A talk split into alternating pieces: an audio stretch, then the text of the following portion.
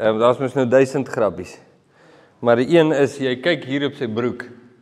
Hier, net hier op die regterbout. Ehm um, sal hy gewoonlik 'n winkellak ingeskeer hê. En dit is nie eers 'n grapie nie, dis die waarheid. Want as jy as jy inklim by die drywer, dan vang die knip van die deur vang jou net daar. En, en nou nou toe klim ek gou in net en ek skeer vir my 'n bobaas winkellak in my broek. Ja. En jy werk dit natuurlik nie toe nie, nee. Dit is baie belangrik dat jy hom net so los. Want Sou ons wonder wat ry jy en sê net kyk nie verder nie. uh, goed. Ehm um, uh, is jy reg? Ja. Is jy reg?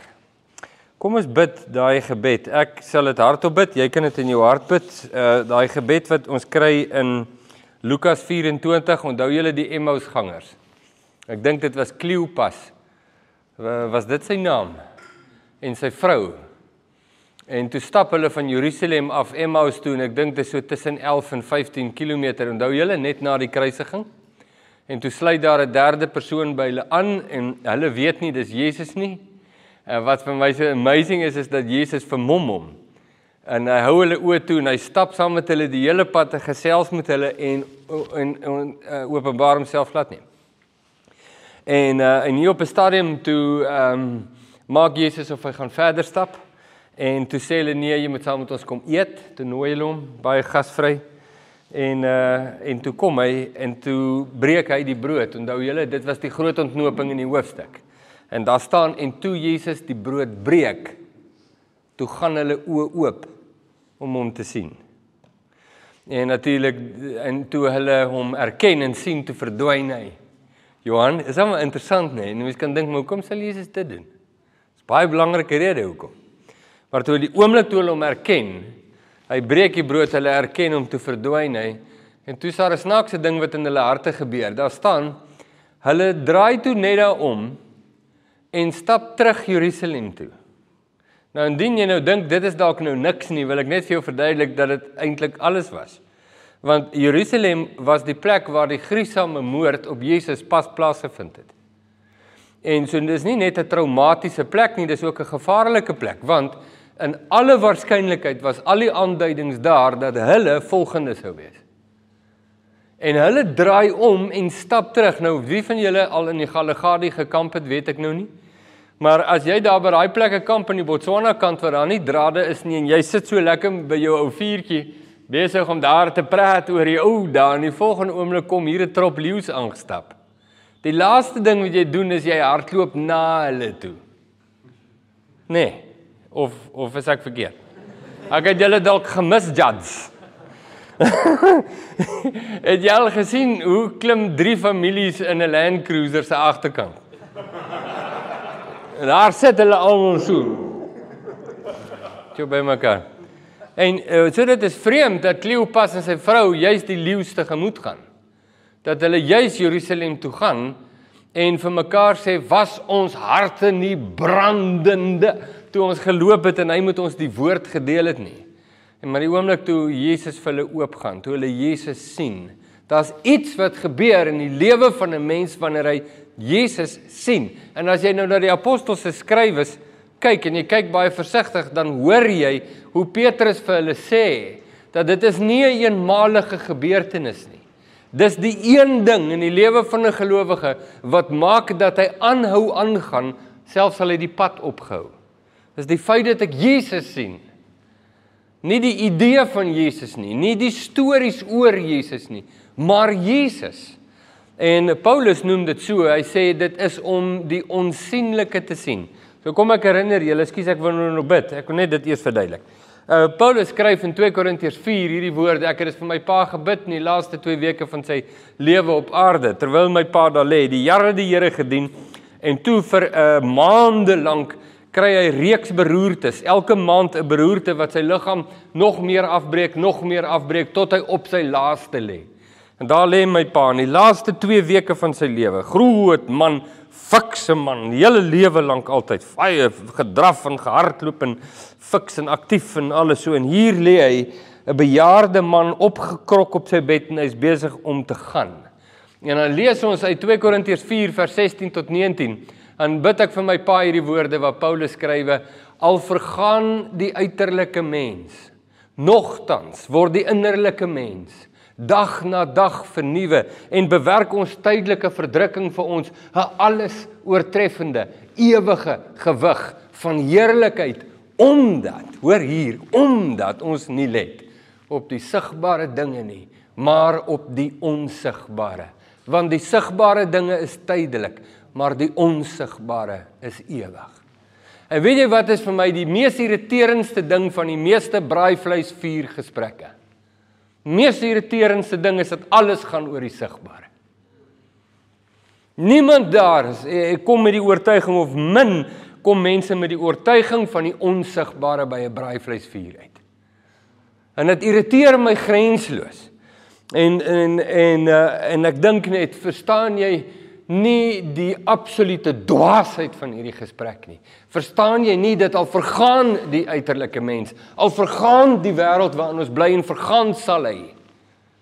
Maar daar's een ding wat maak dat 'n verganklike mens met 'n gekrokte lyf die dood in die oë kan staar en kan ingaan. Hoe? Want hy sien die onsigbare. En weet julle dat dit die getuienis oor Moses is? Dat Moses in Hebreërs 11 sê Moses het voortgegaan en aangegaan soos een wat die onsigbare sien. En dit is die rede hoekom hy dit kon doen wat hy gedoen het. En en dit is die geheim by ons. Die geheim van hierdie vergadering is kan jy Jesus sien? Dit gaan oor Jesus, nie oor jou geestelikheid nie. En ek gebruik dit in die wye vorm. Uh, dit gaan nie oor jou geeste, hoe spiritual is jy nie? Want ons het al 'n definisie van spiritualiteit wat heeltemal los is van Jesus. Niks te doen met Jesus nie. Niks te doen met my volwassenheid in Jesus nie. Dit het te doen met my kennis van die bonatuurlike en my gawes en my visioene en en in teologie het ons 'n lekker naam daarvoor. Ons praat van gnostisisme. Dit klink soos 'n lekker woord waarmee jy 'n ou kan sleg sê. Gnostisisties. Maar maar dit is so en ons verstaan nie wat is ware geestelikheid nie. Geestelikheid is om Jesus te sien. Wat is die ding wat maak dat sogenaamde ongeletterde mense mense wat nog nooit in hulle lewe eers 'n selfoon gesien het nie, wat nou nog van 'n slimfoon? Praat van Petrus en Johannes en Jakobus. Wat maak dat hulle sulke getuies vir Christus was? Wat was die groot ding? Die groot ding is hulle het verstaan dat daar's niks groter, niks beter as om Jesus te ken en te doen wat hy sê nie. En ons gaan nou daarop in. En daarom is die gebed in Lukas 4 van 24 vir my so kosbaar. Dis 'n gebed waar ek sê en ek wil dit nou saam met jou bid om net te sê Here, breek U vir my die brood. Vir wat? Vir hoekom? Ons gaan later vandag nagmaal hê. Dis vir my so kosbaar, Johan. As jy as Johan vandag die nagmaal gaan bedien en hy vat daai brood en hy breek dit dan eh, ek wil hê jy moet hoor wat ek ook nou sê. Jy moet sien dat dit gaan oor Christus en die bekendmaking van daar soveel dinge wat ons kan leer uit die brood wat breek. Maar die een ding wat vir my so kosbaar is is ons leef uit daai gebreekte brood uit. En om dit te kan sien dat Jesus die brood breek en ons oë oop gaan en vir wat gaan ons oë oop? Om hom te sien. Niks anders nie. Ek wil niks anders sien nie. Ek wil niks anders weet nie. Stel nie belang nie.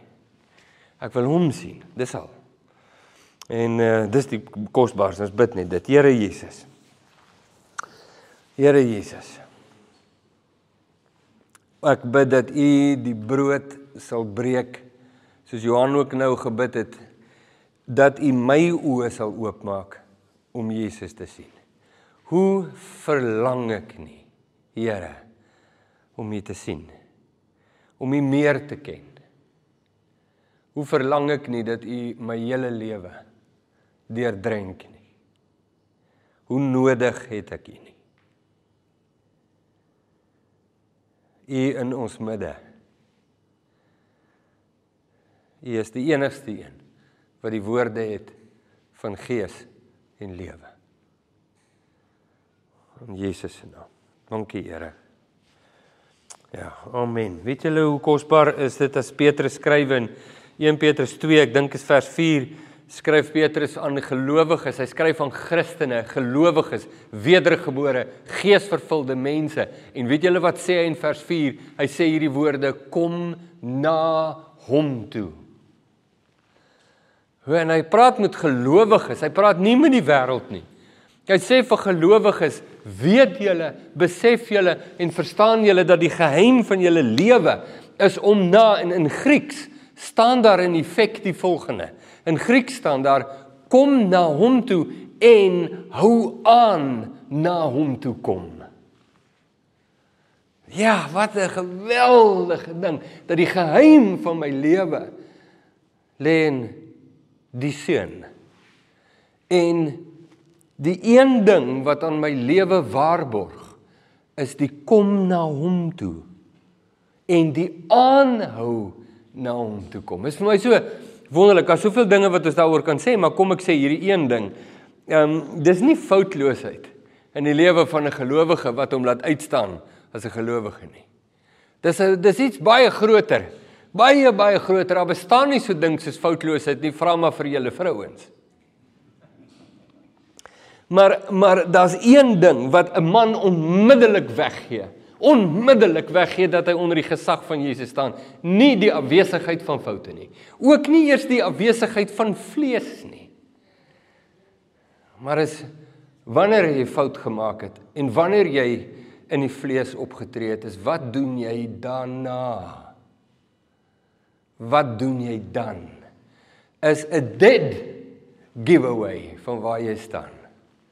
'n Dead giveaway. En en ek dink nou aan Petrus wat vir die die gelowiges bemoedig en wat hy vir hulle sê is broers, susters, hou aan na Jesus toe kom. Hou aan na Jesus toe kom. Dit sal jy dit is die proses van jou lewe. Dis die een oefening. Paulus noem dit die oefening in godsaligheid. Dit is om aan te hou na Jesus toe kom en aan te hou na Jesus toe kom met elke liewe ding in my lewe. Dit is wat vir my sê hier is 'n student van Christus. Hier's 'n disipel van Jesus.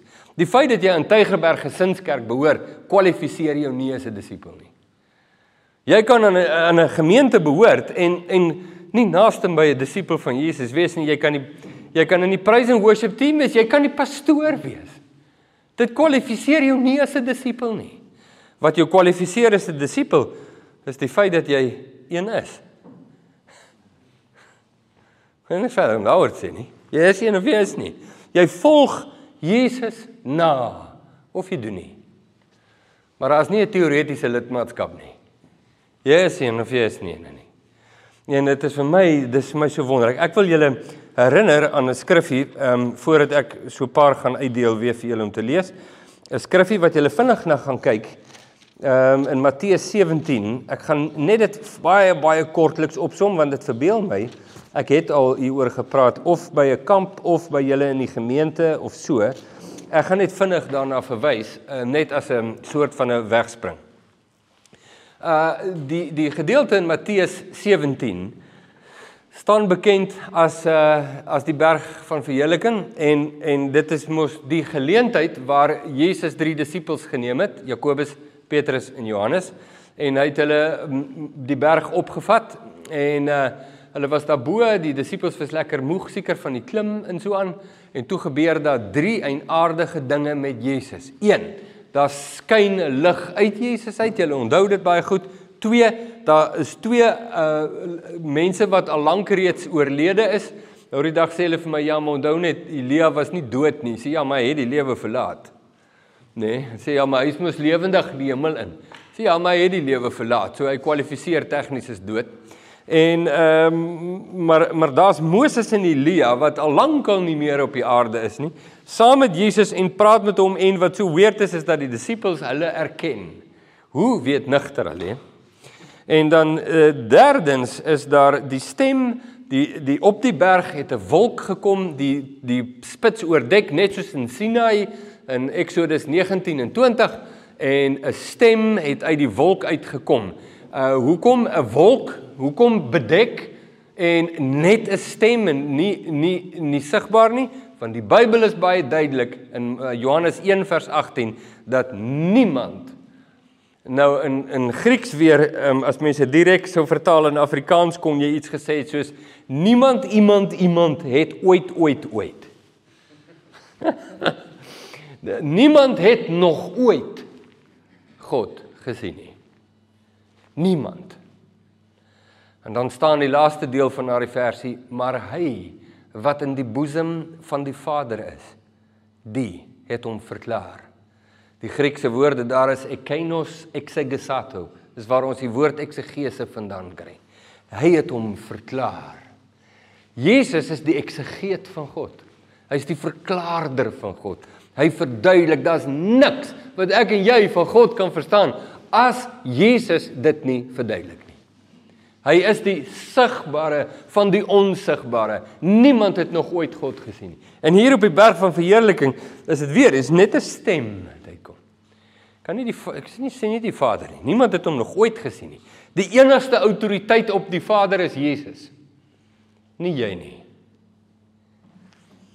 En uh en die en en die Vader sê en uh, onthou julle toe ons laas daaroor gepraat het wat my so tref van die gedeelte is dat die Vader sê nie vir die drie disippels wie is Jesus vir hulle nie. Hy sê vir hulle wie is Jesus vir hom. En ek het en dit was vir my al klaar so 'n groot openbaring omdat my hele Christelike lewe gaan oor wie Jesus vir my. Want in effek is ek eintlik die middelpunt van alles. En dat alles draai om my, my geluk, my vreugde, my sukses.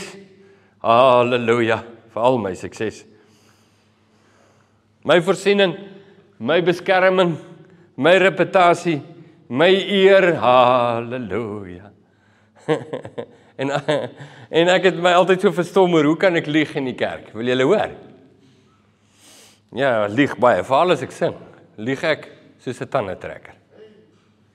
Wil julle hoor? Ja. Alraai. Die liedjie gaan so: All to Jesus I surrender, I surrender all. Ja, maar lieg. He wat ek eintlik sing is some to jesus i temporarily loan some things i will loan to him maybe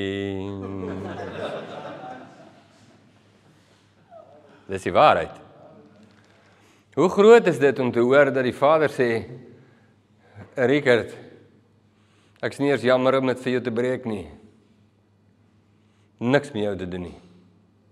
Jy is nie die middelpunt van die heelal nie. Jy was nog nooit nie. En ek het 'n ernstige 'n ernstige ehm um, verskil met die liedjie-skrywer wat gesing het like a rose trampled on the ground he thought of me most of all. Dis nie wat ek in die skrif lees nie. Wat ek in die skrif lees is dat Jesus sê I thought of doing what the Father says most of all. Dis wat die skrif sê. Die skrif sê die rede hoekom Jesus gekies het tussen selfbehoud, hy moes kies tussen selfbehoud en gehoorsaamheid aan die Vader. En en die mees natuurlike keuse in my hart is om vir selfbehoud te kies Johannes 12. En toe sê Jesus, maar dit is hoekom ek gekom het. Wat? Hoekom? om te doen wat die Vader sê. In Johannes 4 sê Jesus vir die disippels, dis my kos, het julle dit geweet? My voedsel is om die wil te doen van hom wat my gestuur het. Dit is gedagte nommer 1. Dit is 'n ontsettende belangrike ding. Maar skus ek wou nou iets gesê het voor dit. Myself nie. O, Johannes. Ag Matteus 17. Matteus 17 verduidelik die Vader van Jesus en sê dat alles gaan oor Jesus. Alles gaan oor Jesus. Ek sit hier uh, in Vermont op die rotse by die see eendag, lekker daar kry 'n groen polletjie gras. Ek sit daar en kyk vir die golwe en ek was vir jare 'n duiker. En dit was vir my net uh, amazing om onder die golwe te kan wees vir lang periodes. En ek het baie keer as ek alleen gaan duik, dan gaan lê ek net daar onder die see en lê ek net daar vir lank tot die lig op is. Lê ek net daar. En kyk ek net vir die golwe wat breek hier bo my en die visse wat swem en al die goedjies en so. En ek is ek is hier by die uh langs die see en ek kyk nou so en ek die vraag kom by my op. Hoekom het God die skepping geskape? Die ou bekende vraag en ek weet die antwoord moet of wees om sy heerlikheid tentoon te stel of tweedens oor sy liefde vir my en ek besef maar nie een van daardie twee is die eerste antwoord wat gegee word in die skrif nie. Nie een daarvan nie. Dis nie die eerste antwoord nie. Die eerste antwoord wat gegee word is die rede hoekom God die skepping geskaap het was vir die seun. Uit hom, deur hom, tot hom is alle dinge. Die seun is die absolute vreugde van die Vader. In alles wat God doen, doen hy uit die seun en vir die seun. En in die teenwoordigheid van die drie disippels sê die Vader: "Hier's my geliefde seun, my geliefde seun, in wie ek 'n welbehae het." Wat 'n geweldige openbaring en dis ook incidentally die verlossing van Richard Botha. Uh, dis vir my so vir my so kosbaar ons ons bedien uh, ons bedien 'n vroutjie wat selfmoord wil pleeg en uh, sy sy het beplan om 'n klomp slaappille te drink en haar in die see te verdrink. En uh, net so vinnig en toe kom sy by Jesus uit en toe gaan doop ons haar in die see. Maar die dag toe daai daai naweek, dit was dit was sy die Vrydag gekom en sy is die Sondag weg, sy het by ons kom bly en in in daai naweek het was so 'n ontmoeting met Jesus die naweek. En, en maar die crescendo die Sondagoggend was vir my so kosbaar. Sy en my vrou sit in gesels op die stoep. Hulle vertel my daarvan na die tyd en sy sê vir uh, Pippa, my vrou, sy sê hierdie woorde, sy sê vir 2 jaar kondisioneer ek myself nou. Ek gaan nou sterf, ek gaan nou doodgaan, ek weet so en ek gaan sy sê en is nou vir my so, dis nou vir my so vreemd om nou weer aan die lewe te dink. Nee. Pippa sê vir nee, nee, nee. Nee, dis glad nie jy moet glad nie in die lewe dink nie. Ehm um, want God se antwoord vir jou is dat jy doodgaan. Jy wou net op jou eie terme doodgaan. Jy wou as jou eie herder doodgaan. Maar die die deurbraak in jou lewe is nie dat jy lewe nie, maar dat jy sterwe. Dis die deurbraak. Die deurbraak is dat jy doodgaan. En daarin kom die lewe van Christus na vore. En daarom sê Paulus ek leef nie meer nie, maar Christus leef in my. Iets iets dawerend wat oopbreek in Paulus oor sy verhouding met God en die plek wat Jesus in sy lewe inneem. En dit die die groot deurbraak vir gelowiges is weet julle dat daar nêrens in die Bybel staan dat God jou sukses waarborg nie. Jou sukses, jou sukses volgens wat? Uh, weet en, en ons ons kan sale voltrek deur vir mense evangelie voor te hou wat sê luister hierso hier kerels hier's die magic formula. Volg hierdie en ek sê nou vir jou sukses spuit by jou ore uit sulke dik strale dis nie waar nie. Dis nie waar nie. Want want wanneer ek en jy die S woord gebruik die woord sukses dan gebruik ons dit altyd in terme van ons eie definisie. Nooit in terme van God se nie. En wie van ons wil nie suksesvol wees nie? Wie van ons wil nie die Mackie van die plekkie wees nie? Wie van ons wil nie net Ja nee, ons ek is maar baie nederig oor al my miljoene. Hè? Wie van ons wil nie Jesus dien wat dit vir jou gaan besorg nie? En dit is nie hoekom Jesus gekom het nie en indien dit die rede is hoekom jy Jesus navolg, wil ek nou al vir jou iets baie belangrik sê, is jy gaan jou teen Jesus stamp. Jy gaan hom nie vind nie. Die Vader vertel vir die drie disippels wie is Jesus vir hom. En dan gee hy die opdrag en sê vir hulle luister nou. En dit is ontsettend belangrik want as daar twee dinge is wat my en jou lewe teiken of eien, identifiseer. Twee dinge wat ons lewens identifiseer is dit die feit dat ons Jesus leer ken en dat dit die skat van ons lewens is.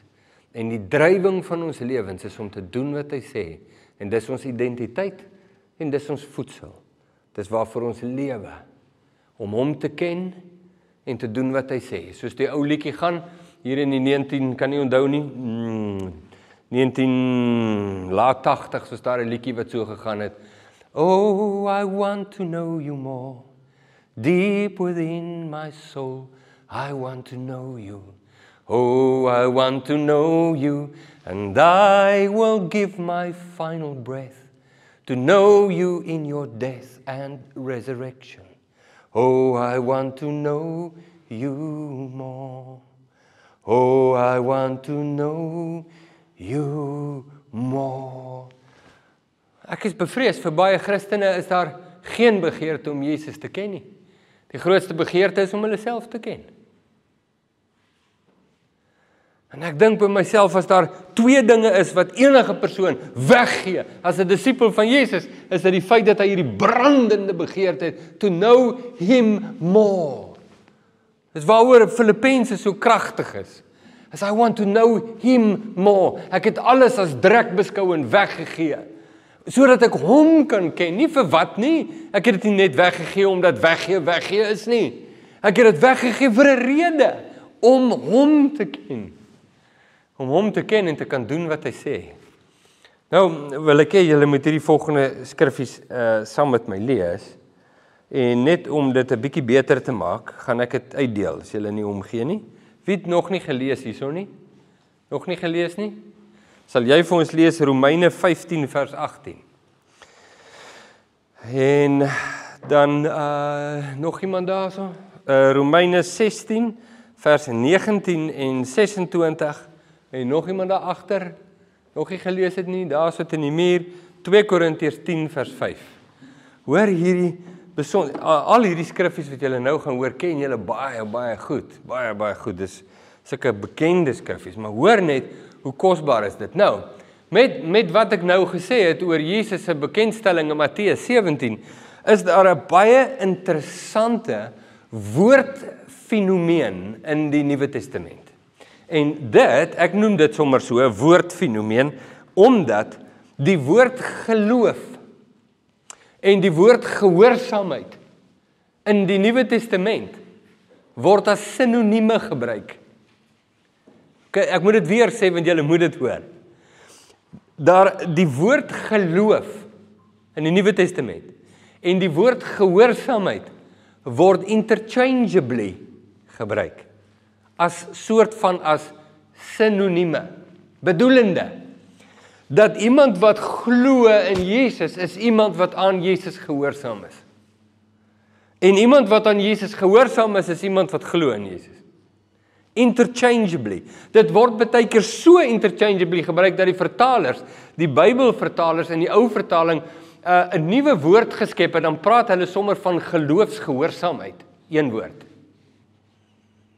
Dit is so kragtig en is so eie. En ek wil hê julle moet dit nou self ontdek. So ons eerste uh, versie is uh wat het gesê Romeine 15 vers 18. Nee, wie's dit daarso? Goed.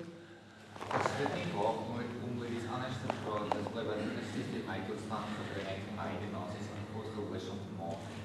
Dit het dat jy my gedoen met woord en daad en krag tekens en wonders in die krag van die Gees.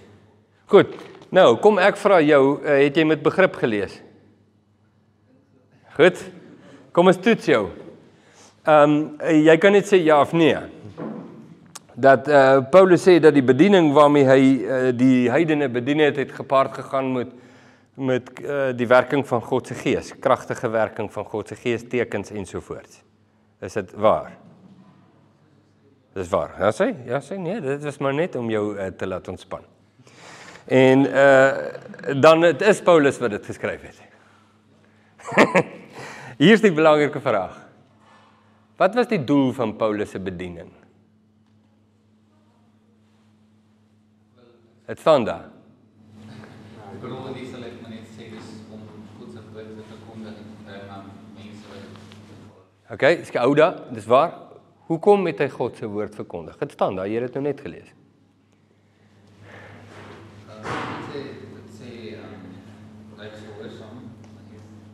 Lees daai sin weer. Ehm um, ek sê dit nie waar om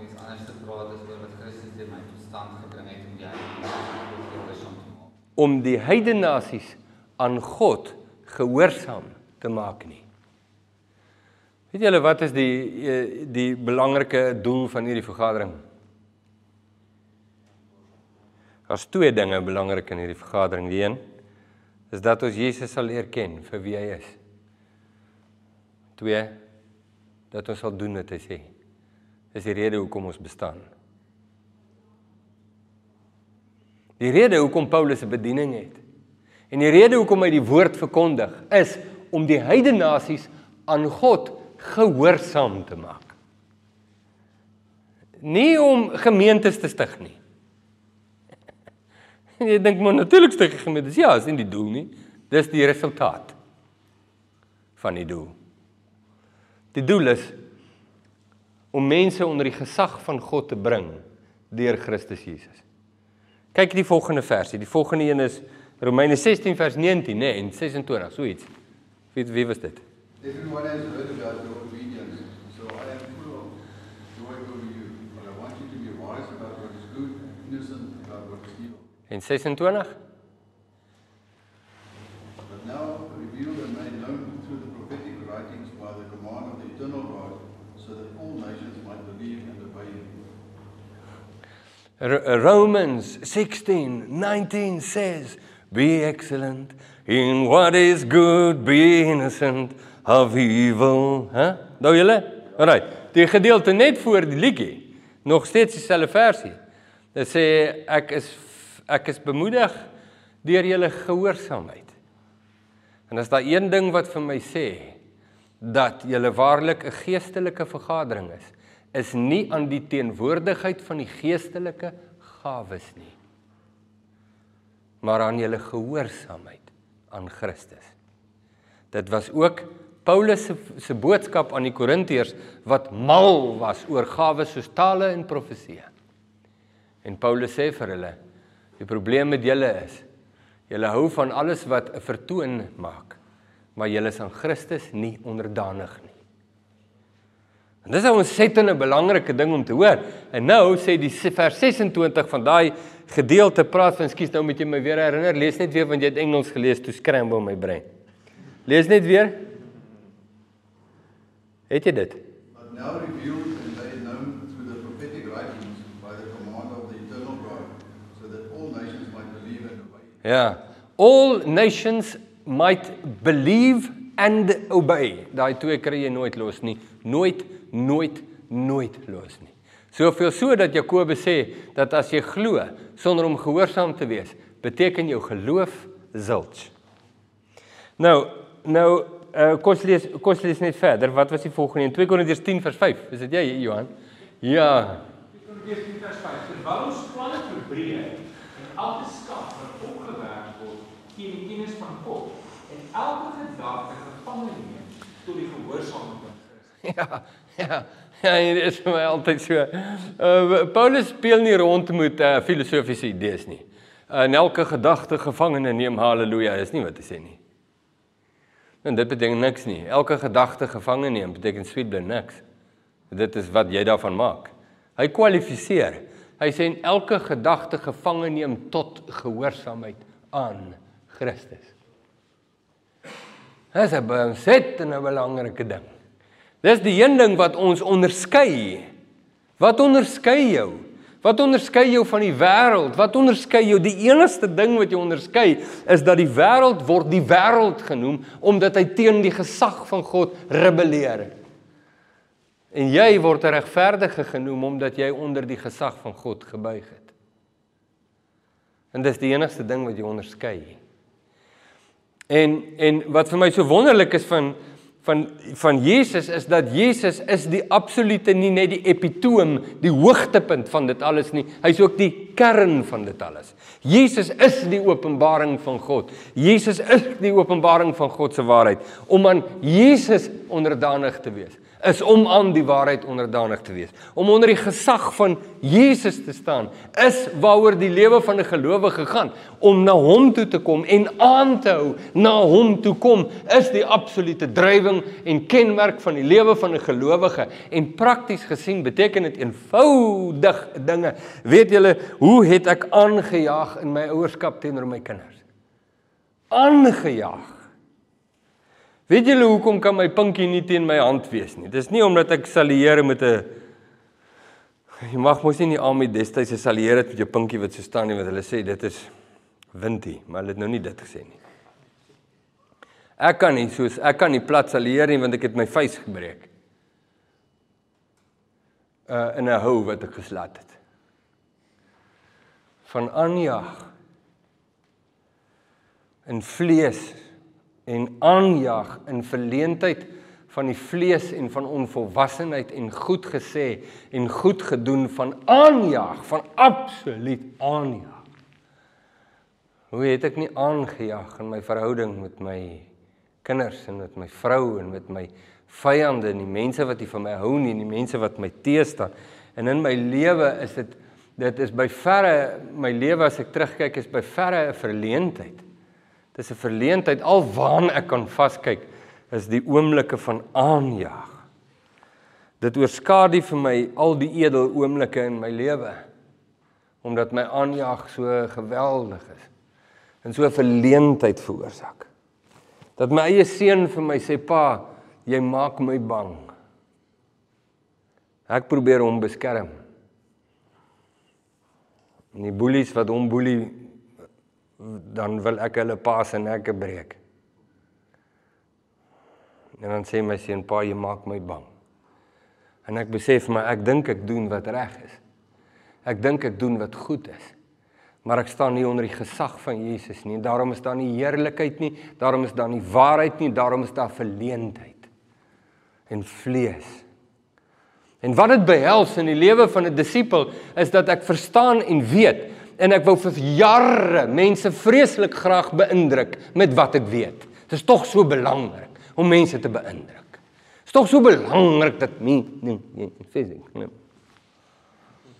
En ek is so vreeslik slim. Vra vir my vrou, sy is al oortuig.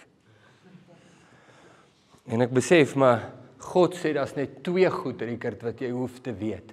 Die res is onnodig. Wie is Jesus en wat sê Jesus? Dis al wat jy hoef te weet. En die feit dat jy wil beïndruk wys dat jy weet nog nie wie Jesus is nie. Want daar's net een wat beïndruk en dis die seun. Daar's net een in wie God 'n vreugde vind en verheug is oor en dis die seun. En die vraag is is jy by die seun of nie? Dis die vraag. En hier's die ding, ek is oortuig in my DNA dat ek kan los wees van die seun en God nog steeds beïndruk. Dis dis wat ek het in my DNA as ek net geestelik genoeg is en ek sê onthou jy julle nee julle sal nou nie onthou nie want ek dink dit ooit met julle gebeur nie maar sal ek myself betrap in 'n biduur? Nee, besig om te bid. O Heer! En agter te kom ek praat glad hier met God nie Ek's besig om te praat met die mense om my. Ek is so besig om te beïndruk dat ek sal sê dat God is die middelpunt en en hy's die heerlikheid en alles, maar dit gaan glad nie oor hom nie. Dit gaan alles oor Rickert. Alles oor Rickert se reputasie en hoe Rickert vertoon en wat mense van Rickert dink en wat Rickert weet. En na, na, na, na.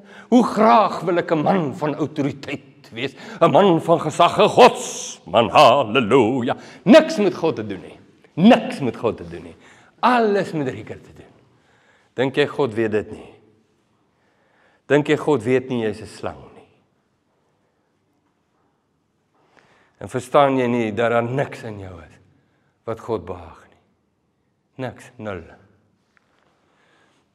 Ons praat gister oor die snaakse insident wat ek eendag by julle in die gemeente gehad waar ek gesê het jy is nie so erg soos wat jy dink jy is nie. Toe los toe pos ek, toe sê iemand amen. En hulle het nie geweet wat gekom toe volgende nie.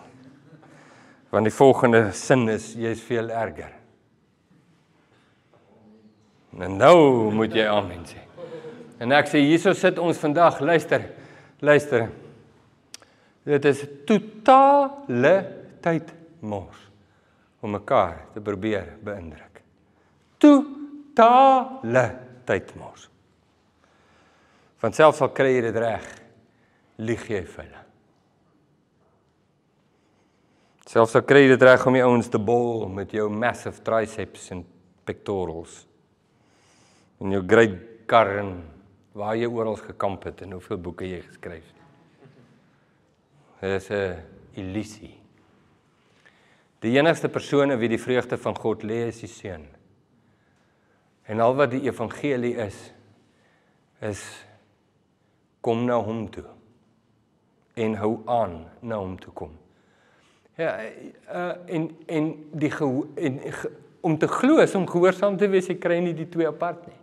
Weet julle hoeveel mense sit in die kerk en dink hulle glo terwyl hulle blaatant aan God ongehoorsaam is. Weet julle hoeveel hoeveel huweliksberading sessies het ek nou vir die laaste uh, ruk nou al. Ehm um, waar mense ek wil nou sê blaatant, maar openlik getuig dat hulle by Jesus is. En dan vra ek, uh, maar is julle disippels van Jesus? Dan sê hulle ja, dan vra ek hierdie woorde, um without a shadow of a doubt. Are you a disciple of Christ? Are you Christian? Yes, we're Christian. Disciple of Christ. Oh, yes, yes. Yes, we're disciples of Christ. Yes, amen. Glory, yes. Without a shadow of a doubt, without a shadow of a doubt, what? Are you a disciple without a shadow of a doubt? Yes, we are disciples without a shadow of a doubt. And I say, so can you please explain to me the situation between you and your wife? How are you a disciple of Christ without a shadow of a doubt? En jy leef in ongelooflike liefdeloosheid, onwysheid, selfsugtigheid, selfgesentreerdheid teenoor jou vrou. And he is without a shadow of a doubt the student of Christ. So where is Christ in that? Nowhere. Because there is a huge shadow of doubt on your testimony. And it's not me pointing it out. It's your wife. Daar daar uh, vertel jy nog een en jy jy dink hierdie is werklike gesprekke nou. Hierdie nog 'n gesprek. Die mense wil die mense wil skei. Hulle het besluit hulle gaan skei. Dis dis finaal. Hulle kom sien my nie oor moet hulle of moet hulle skei nie. Dit het hulle klaar besluit. Hulle wil net weet hoe kan hulle dit vir die kind makliker maak. So ek vra as hulle as hulle Christene ja sê hulle. Ah, sê wonderlik. Wat 'n kerk sê hulle? Nee, hulle staan een. Ek sê hulle disippels van Jesus. Ja, nee. Ek vra vir die man. Ek sê so wanneer het jy opgehou om Jesus te volg en hoekom? Hy sê vir my, "Wat gee vir jou die idee ek het opgehou om Jesus te volg?" Ek sê jou huwelik.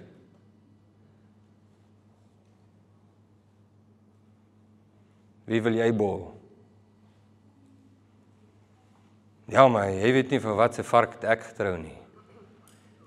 Vertel my van die vark wat jy is. Dan het ons iets om oor te gesels. Hy sê maar die vrou praat oor haar eie vlees, maar maar kom, kom ons praat oor jou. Kom ons praat oor die feit dat jy voor 'n heilige en 'n rein God staan en dat jy haar onreinheid gebruik om jou eie te regverdig. En dan dink jy nog steeds God is aan jou kant. Weet jy wie God is? En hier sit jy en jy sê vir my jy's 'n disipel. Ek moet vir jou sê wat my vrou eendag vir my gesê het en dit was jy moet of jou getuienis verander of jou gedrag, maar jy kan nie al twee hê nie.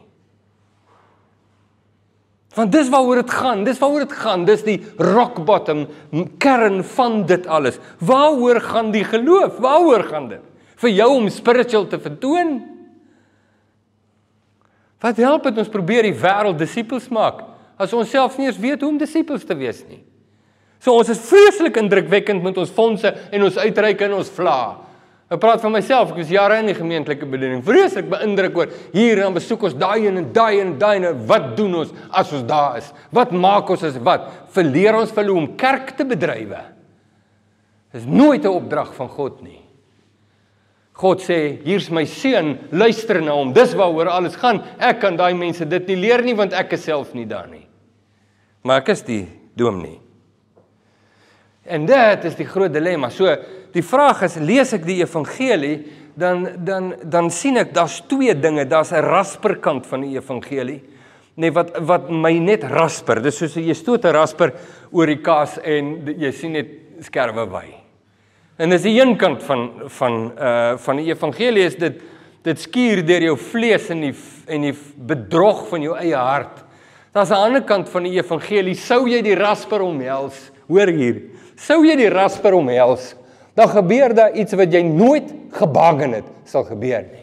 En dit is dat jy beleef die intense, diepste vertroosting van die Heilige Gees. Sou jy die rasper omhels?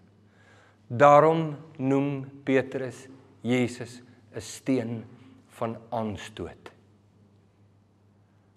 En dan sê hy vir die gelowiges: Kom na hom toe en laat julle opbou as lewende stene tot 'n geestelike huis wat geestelike offers bring wat aan God welgevallig is. Laat julle opbou. Hy gryp jou nie en dan pleister hy jou in die muur vas nie. Laat jou opbou. Kom na hom toe en hou aan maar onthou dat die een na wie jy toe kom is 'n steen van aanstoot.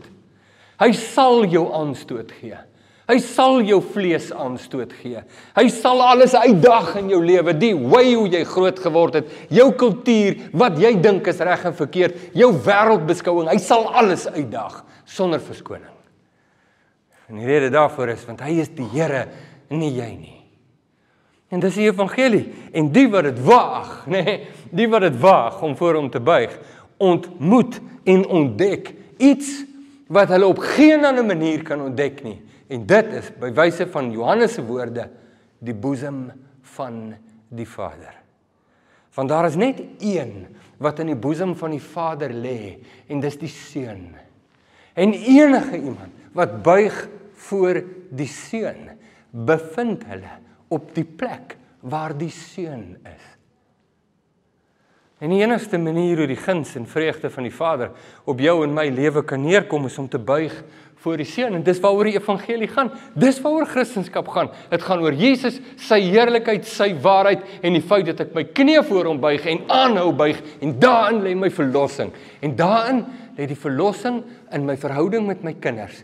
Daarin lê die verlossing met my verhouding met my vrou, met my vyande, die mense wat nie van my hou nie, met die land se politici, die toestand in die wêreld, noem dit my op.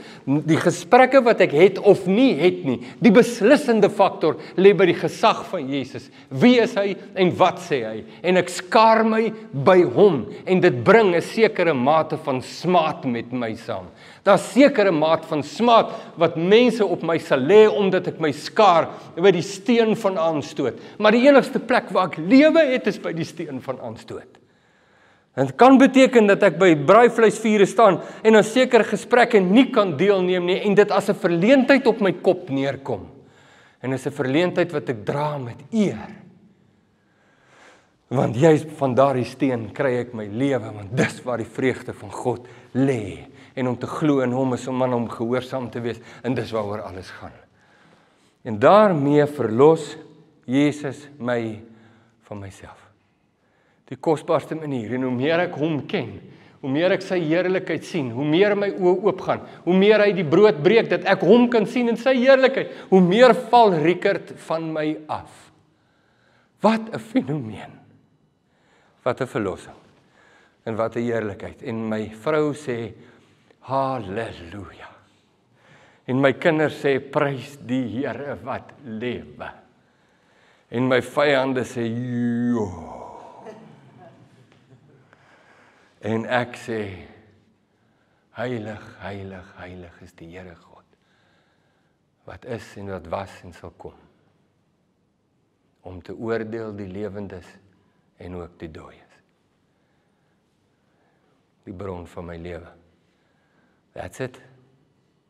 Sal wat ek maak in die gemeente. Wil hom leer ken en ek wil doen wat hy sê. Dis waaroor dit gaan. Niks anders nie. Kom ek bid saam met jou. Here Jesus. Here Jesus.